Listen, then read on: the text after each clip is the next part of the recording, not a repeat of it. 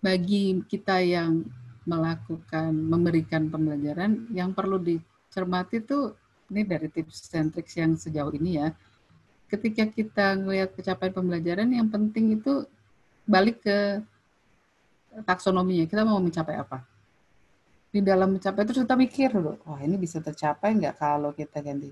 Nah, diem merenung. yang penting itu diem dulu, merenung dulu. Oh, ini sebenarnya bisa dicapai kayak gini. Udah, kalau gitu semua yang tadi kita rencanakan diikhlaskan. Wassalam, bye-bye gitu kan. Yang penting capaiannya masih tercapai. Nah, waktu kita memodifikasi pembelajaran silabus tadi sekian banyak pertemuan, yang penting banget kita capai itu uh, kita adalah bagian dari universitas atau bagian dari program studi atau bagian dari sekolah atau karena Oke, visi misi sekolah itu akan bisa berantakan atau tercapai justru dengan kita kita kita koprol ini. Yang penting sejauh itu masih selaras, masih sih bisa kan gitu kan. Jadi uh, lihat juga uh, sejauh ini tidak mengorbankan hal-hal yang menjadi istilah value dasarnya gitu kan rancangan tugas misalnya. Kalau di universitas gini, uh, kita tuh sekarang ada yang namanya uji kompetensi kan ya, gitu. Jadi nanti akan ada asesor, nanti asesor itu kemudian me, me, mengkaji gitu kan. Lalu mereka harus punya portofolio. Oke. Okay. Kalau gitu kalau kita punya profil lulusan ini dan nanti akan diuji sama asesor, lalu kita harus pakai portofolio. Nah, tugasnya harus harus tetap menyasar ke sana menyasar ke kesesuaian dari kesemuanya ini. Mudah. Gampang gampang gampang nggak gampang sih. Gampang gampang nggak gampang artinya gini. Sejauh kita esensinya kita pegang, yang lain tuh masih bisa dikoprol, masih bisa di masih bisa dinegosiasikan. Tapi kita memang mesti tahu mana yang esensial, mana yang enggak. Nah, materi ajar itu malah sebenarnya dalam tanda kutip dan lebih mudah. Karena sekarang tuh lagi jor-joran tuh. Wah, pada e-book dibuka, e-journal dibuka, uh, masif online open course dibuka semua, YouTube dibuka. Itu semua tuh tiba-tiba kita yang tadi ya susah malah jadi jadi wah bisa dipakai nih. Yang penting kita rajin-rajin ngelihat kiri kanan depan belakang. Wah ini ada ini, ada ini gitu kan. Uh, jadi kita bisa pakai ini. Yang tadi aplikasi apa yang bisa dicapai adalah intinya sebenarnya adalah keteraksesan seberapa itu bisa diakses sama mahasiswa. Kalau mahasiswa kita memang kelompok sosial ekonomi yang enggak nggak cukup beruntung dan dia bisa lewat WhatsApp, ya udah ya itu aja yang kita pakai, itu aja yang kita optimalkan. Di dalam menyampaikan proses pembelajaran, uh, misalnya dulu kita bisa tegas gitu kan deadline, deadline juga ya. harusnya harus sedikit agak manusiawi gitu kan jangan sedikit kan, terus biaya-biayanya itu nah yang juga ini ini ini tips trik yang membantu ketika kita belajar online itu kadang-kadang mahasiswa atau kita dulu kita juga gitu kan suka bikin email email email alay gitu kan. Misalnya kita cetar.com gitu apa sih gitu kan. Ini kan pusing ya ini ini mana yang mana gitu kan. Aku yang pertama kali aku bilang sama mahasiswa kita pakai email resmi.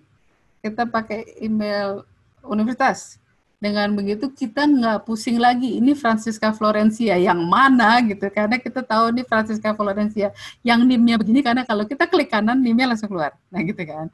Itu hanya bisa terjadi terjadi kalau kita pakai email uh, resmi. Nah yang soalnya misalnya gitu teman-teman yang pakai Google jadi harus migrasi gitu kan. Aku bilang samakan email Google kalian dengan email yang dipakai di universitas gitu kan. Jadi kalau di sini namanya Francisca Florencia at upjacid, di, di Gmail juga harus francisca.florencia gmail.com. Jangan jangan beda-beda, pusing. Terus kalau misalnya dia harus pakai mod, modal lain Skype misalnya. Fotonya harus sama. Biar nggak bingung. Kayak uh, ini satu hal yang uh, jadi mereka tuh suka pasang-pasang profile picture yang gimana-gimana gitu. Aku langsung bilang, ganti semua gitu kan. Jadi sesuatu yang recognizable bahwa itu lu gitu kan. Um, karena ini juga bahkan misalnya sidang. Kan susah ya kita mau sidang skripsi, terus foto yang kita liatin dia lagi gini. Kesebel ya gitu kan. Sebel banget gitu kan lagi gitu kan kesel gitu kan ganti foto yang agak-agak decent gitu ya. Supaya kita kalau pas lagi nyidang dia kita nggak berhadapan dengan dia lagi. Gitu kan uh gitu kan. Ntar dia eh, oke okay, jadi pada malam-malam pas ganti dulu semua profile picture-nya dengan sesuatu yang decent agak resmi gitu. Nah itu tuh membantu juga karena kita jadi nggak bingung siapa yang mana gitu kan. Bayangin brut gitu kan masuk semua chat gitu kan alah ini mana yang mana? Ini namanya chat ketindih itu dia satu ngomong satu ngomong. Oke okay. nah ini uh, tips kecil-kecil tapi sangat membantu. Dan evaluasi pembelajaran tadi kombinasi sesuatu yang bisa dikerjain pakai internet dengan bandwidth yang gede tapi juga bisa diakses dengan ya istilahnya kalau dicekak banget gitu kan. Sesuatu yang bisa kita pakai untuk indikator oh ya dia mencapai kemampuan yang ingin kita dia capai. Dan kita sendiri mungkin yang justru pertama lepasin teknisnya deh gitu kan. Kita mesti compassionate juga pada mereka gitu kan. Yang dulu yang kepikiran pada aku tuh ketika kita mendadak harus work from home sama study from home itu adalah beberapa mahasiswa aku aku tahu memang rumahnya tuh rungsep lah kan. kebayang kalau dia mesti belajar dalam situasi kayak gitu tuh aku udah aduh gitu kan mending kalau cuma rungsep ya ada yang aku tahu juga mahasiswa itu dia itu KDRT lah gitu lah di, di dalam rumahnya gitu kan. Dan dia harus ada di situ tuh dalam situasi kayak gitu gitu kan. Yang menyebabkan dia mungkin jadi harus hilang-hilangan pada saat tertentu karena ya dia jadi nggak bisa aja gitu kan. Ya memang harus setiap kali aku di dalam situasi ini chat gitu kan kirim um, broadcast message gitu kan uh, selalu aku bilang gitu kalau dalam situasi ini selalu jaga komunikasi jangan sampai putus gitu kan. Jadi kalau ada apa-apa kita bisa sama-sama cari solusi. Uh, dan just to say that gitu kan membuat orang-orang yang tadinya agak ragu gitu tiba-tiba berani ngomong gitu kan. Mas saya itu ada masalah di mata kuliah lain saya tuh bingung. Kelompok saya itu saya bertiga yang dua udah hilang gitu kan. Oh oke okay.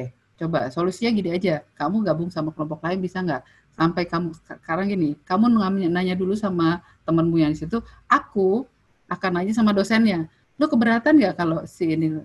Jadi sama-sama tektok, tektok, tektok. Dan tuh mau nggak mau emang harus dibilangin bahwa saya gimana? You matter gitu kan.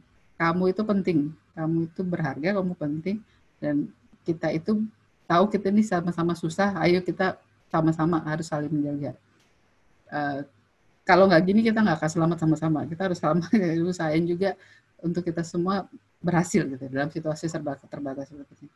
Cuma juga kita juga mesti kadang-kadang ini mungkin namanya sama juga seperti orang masuk psikologi sebetulnya dia sendiri harus meresolve persoalan sendiri gitu kan kadang-kadang kita menjadi guru karena sangat sangat sangat ingin menolong orang lain dan kadang-kadang itu jadi kita agak kejam sama diri sendiri gitu kan ya kita juga harus cukup istirahat lah ya kalau enggak kita gila sendiri gitu kan.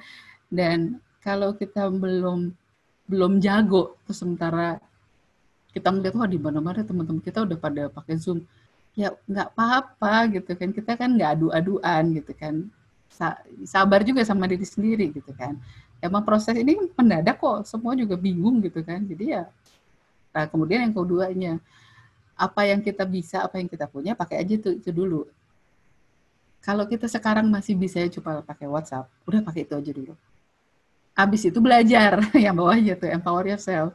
Tanya sama teman, lu gimana sih caranya pakai itu biar bisa nongol-nongol tuh di situ. Oke, okay. udah gitu sekarang tuh tiba-tiba di YouTube kan banyak tuh tutorial menggunakan itu, udah belajar. Kalau bingung nanya, telepon gitu. Em kita nggak harus jago hari ini gitu kan ini kan kita tahu ya, kita akan di rumah ini cukup masanya cukup lama gitu kan. Udah ada beberapa sekolah yang bilang sampai April, ada yang bilang sampai Mei, bisa sampai habis lebar gitu. So we are in for the long game gitu kan. Ya udah, apa yang kita bisa sekarang lakukan, lakukan dulu. Habis itu pelan-pelan kita mengupgrade diri kita sendiri. Toh kita itu sebenarnya kan mendedikasikan kita diri dalam dunia ini gitu kan karena kita pengen pengen pengen ngasih sesuatu pada dunia inilah ya gitu kan. Ya untuk bisa terus ngasih ke dunia ini ya kita harus belajar. Nah itu jangan pernah lupa juga. Jangan kemudian kita ngasih ngasih ngasih terus kita habis sendiri gitu kan. Kita tetap harus belajar nanya tanya teman-teman curhat ngobrol gitu kan. Uh, di dalam masa-masa ini kan ketemu orang jadi sebenarnya tadi uh, saling mendukung itu benar gitu. Forum-forum kayak gini itu kan sebenarnya salah satunya menjaga silaturahmi, menjaga kewarasan, menjaga tetap kita oh yang kita nggak merasa sendiri gitu kan. Yang biasa orang kalau disuruh rapat, sekarang pada doyan kan, wah kita mau rapat, kayak ya, astaga, itu perasaan biasanya, no susah amat nyuruh rapat ya, wah kita mau rapat, rapat di foto-foto. ya emang ini butuh butuh dukungan sosial kan sebenarnya. Ya udah, emang kita butuhnya itu ya kita belajar dari temen yang lain juga. Jadi jangan jangan jangan berusaha jadi Superman dalam waktu sekejap mata emang nggak mungkin. Tapi at the end of the day virtual learning ini kalau ngelihat ya akan akan tetap ada gitu kan. Seperti universitas terbuka itu juga sebenarnya udah ada up and running. Uh, eh, MOOC masif online open course itu ada juga. Jadi dia akan tetap ada dan akan ada sebagai alternatif yang nggak akan bisa eh, semakin semakin prominent gitu dengan kondisi seperti ini. Karena dia jelas bisa menjadi solusi dalam beberapa, beberapa kondisi yang kayak yang darurat gitu kan. Uh, rasanya sih tatap muka tetap paling ideal ya kan? Tatap muka tetap ada situasi yang nggak tergantikan. Tetapi virtual learning itu tetap bisa jadi alternatif. Alternatif yang bisa dipakai sewaktu-waktu seperti kondisi kayak gini sewaktu-waktu kalau misalnya katakanlah ada bencana lain banjir misalnya gitu kan. Atau menjadi alternate pada orang-orang yang emang lifestyle-nya mobile gitu kan misalnya. Jadi dia tetap bisa mengupgrade dirinya tetap bisa belajar tetap bisa tetap bisa in contact gitu dengan dengan dengan perkembangannya ada. Jadi it's here to stay dalam artian uh, let's be ready gitu loh untuk it's a long game gitu kan dan selama long game ini kita terus mengimprove kita diri kita sendiri. Oh gini caranya. Oh kalau pakai ini gini caranya. Oke okay, gini caranya gitu. Karena ketika ini semua selesai gitu kan entah kapan gitu kan eh, pandemi ini akhirnya sudah bisa diatasi apakah semua ini hilang? Yang enggak gitu kan. Tiba-tiba kita oh iya kita bisa kok ya remote working gitu kan. Mungkin nggak kita mungkin malah jadi jadi mainstreaming gitu kan. Sampai satu titik tertentu gitu kan. Ada beberapa service yang makasih nggak tergantikan tapi mungkin kita jadi bisa oh ya sekali sekali mungkin work from home gitu kan. Misalnya pas rumah lagi direnovasi misalnya bisa nggak work from home? Bisa gitu kan. Kantor-kantor yang mulai dulunya reluctant gitu terhadap work from home bisa dengan pikiran ah nih kalau di rumah mending kerja gitu. Tiba-tiba sekarang oh ada cara lain ya bisa kok tetap produktif gitu kan kan ada kantor-kantor yang emang bosnya curigaan gitu ya. Ah ini paling nggak kerja nih ntar rebahan doang. Eh enak aja. Sih selama work from home sih kayaknya malah ya ampun pekerjaan malah kapan nggak bisa rebahan loh bener deh. Aku tuh eh, merasa beban pekerjaan jauh lebih besar karena boundaries antara kantor dengan rumah itu lebur gitu kan. Dan kalau kita jaga napas itu tetap bisa produktif kok gitu Nah, uh, ini sedikit tentang aku dan kalau misalnya uh, dari sini mau tanya-tanya segala macam, kalau misalnya sesi ini terbatas, aku bisa tetap bisa dihubungi lewat email gitu kan untuk itu kita bisa berbagi pengalaman emailku aku taruh di sini dan alamat institusiku aku taruh di sini. Sebetulnya itu aja sih berbagi ya kalau misalnya ada pertanyaan lagi yang kita bisa diskusikan, sharing gitu kan. Uh, aku tahu sih ini apa gini mungkin yang yang dengan dengan begini kita bisa jadi tahu oh ini loh yang dihadapi guru gitu atau dosen gitu ketika oh ini gimana nih? gitu kan. Dan ketika orang tua gitu kemudian tiba-tiba kan aku kok dapat tugas banyak gitu kan. Jadi bisa ketemu common groundnya gitu kan. Mungkin yang ketemu yang yang yang perlu didiskusikan bukan bukan gini kenapa sih kita kasih tugas banyak-banyak? Bukan gitu bu pak ibu tuh pengen mencapai capaian pembelajaran apa sih? Nah, kita bisa kita bisa berkolaborasi mungkin di situ tuh. Oh, kalau capaian pembelajaran gitu, Bu, kita gini aja gitu. Kadang-kadang common ground-nya justru ketika kita kita cuma berhadapan dengan wah banjir tugas saja tanpa mengerti tugas itu sebenarnya datang dari mana dan kita nggak bisa punya ketemu satu ruang diskusi yang sama. Nah mudah-mudahan setelah ini juga bagi yang orang tua juga tahu, oh ini sebenarnya di sebelah sananya di sekolahnya, di sebelah sana di universitasnya tuh maksudnya ini. Dan kalau kita mau berdiskusi, kita bisa mendiskusikan dengan hal-hal yang lebih lebih lebih konkret gitu kan. Tadi materi ajarnya atau pembelajarannya atau capaian pembelajarannya atau evaluasinya gitu. Itu sih harapannya gitu kan. Kita tahu bahwa ini ini kondisi yang tidak mudah untuk semua orang gitu kan. Jadi thank yang... you banget gitu thank you banget gitu keter apa keterdesakan ini ya yang kemudian kita memang harus cepat-cepat untuk bisa menyiasatinya ya Iya. Nah ini uh, karena waktu juga, tapi sebelum aku close, aku pengen dapat uh, eh, dari teman-teman respon balik ya uh, insight apa sih yang teman-teman dapetin dari uh, pembelajaran yang di share sama uh, Gita, karena Gita kan berbicaranya bukan hanya teoritis tapi juga dari lebih banyak justru dari pengalaman gitu ya. Dan uh, buatku sih berharga banget ini. Boleh dong di share uh, singkat insight apa sih yang teman-teman dapat uh, hari ini?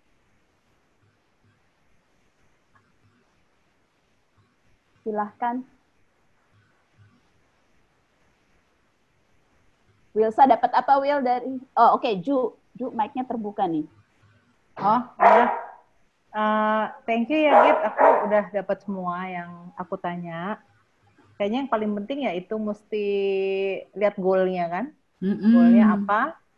Uh, dari situ kan kita bisa mainin metodenya, cara evaluasinya, mm-hmm dan mm-hmm. kalau itu nggak visible ya tinggal di adjust. Terus mm-hmm. juga jangan kaku kali ya, maksudnya. Mm-hmm. Uh, iya kita bisa telepon, kita bisa apa. Jadi tetap apa ya nggak nggak teknis banget, tapi tetap melihat situasi dan kondisi. Iya. Mungkin dihadapi beberapa murid gitu kali ya. Mm-hmm. Thank okay. you Mbak Ju. Ada Thank Mbak you, ada Mbak Ratika, Mas Okto, Mbak Mita, Mbak Dian, kalau boleh share mungkin uh, insight atau kesimpulan yang didapatkan dari sesi hari ini boleh dong di-share biar kita sama-sama belajar. Silahkan, mic-nya dibuka.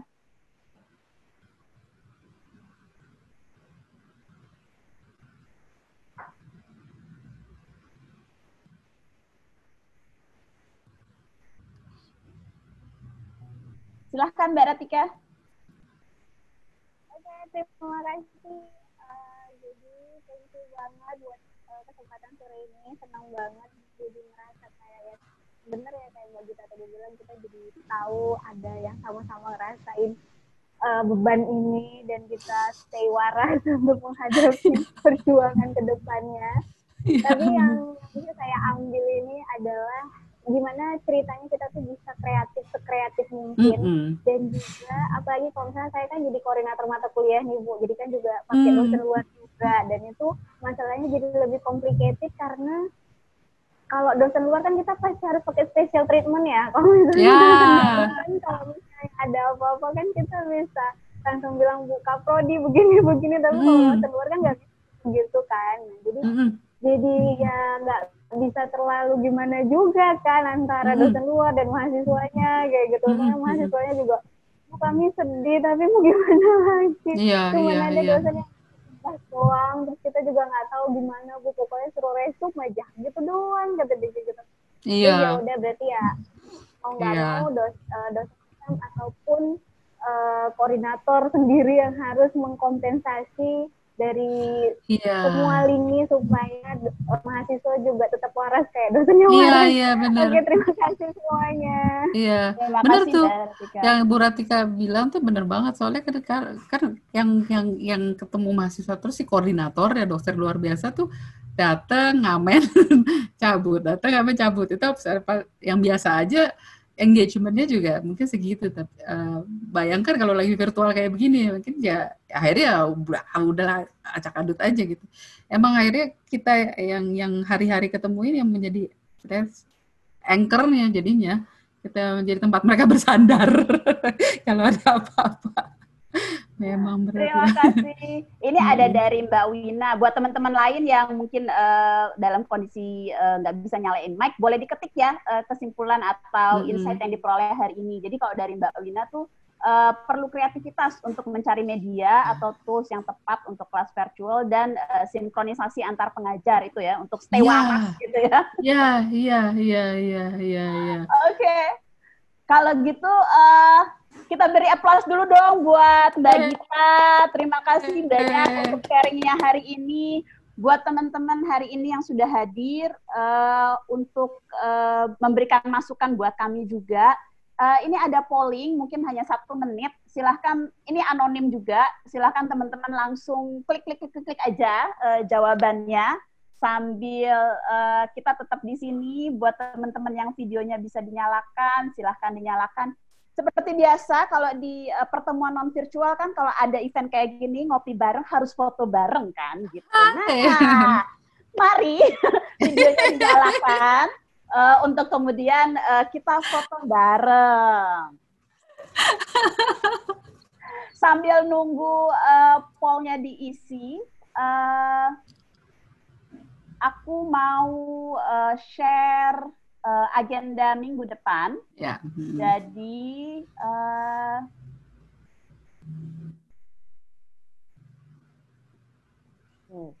minggu depan topiknya masih pendidikan terutama ini buat bagi para eh, ibu-ibu, uh, bagi para ibu dan ayah orang tua yang uh, sekarang anaknya 24 jam di rumah gitu ya. Anak-anak saya hmm. udah bosen di rumah ya karena yang dilihat hanya orang tuanya aja dan kucing gitu. Jadi mudah-mudahan sama seperti pembicara uh, hari ini uh, kita akan dengar pengalaman praktis, pengalaman uh, dari pengalaman dan uh, ruang diskusinya seperti inilah sambil kita uh, ngopi bareng ya. Jadi uh, silahkan nanti uh, bisa dilihat di Instagramnya Digdaya dan uh, nanti juga uh, silahkan kalau mau di-share informasinya. Yang hari ini materinya akan disampaikan lewat WA oleh Mbak Ade untuk yang datang. Kemudian untuk uh, rekamannya kita lagi usahakan supaya bisa tayang juga di YouTube supaya uh, bisa reach lebih banyak uh, orang. Gitu. Nah, jadi uh, mari kita foto bareng dulu. Yang mau dibuka videonya silahkan. Ya ini semua sudah mengerjakan poin. Wah terima kasih banget ini untuk uh, pollnya akan berguna banget buat kita di Digdaya sambil saya saya belum tutup ya. Oke. Silahkan yang punya cangkir, gelas kopinya, gelas tehnya, air putihnya, silahkan diangkat seperti biasa. Kita ngopi sore hari ini bareng-bareng. Senang banget dan uh, sampai ketemu minggu depan. Satu, dua, tiga.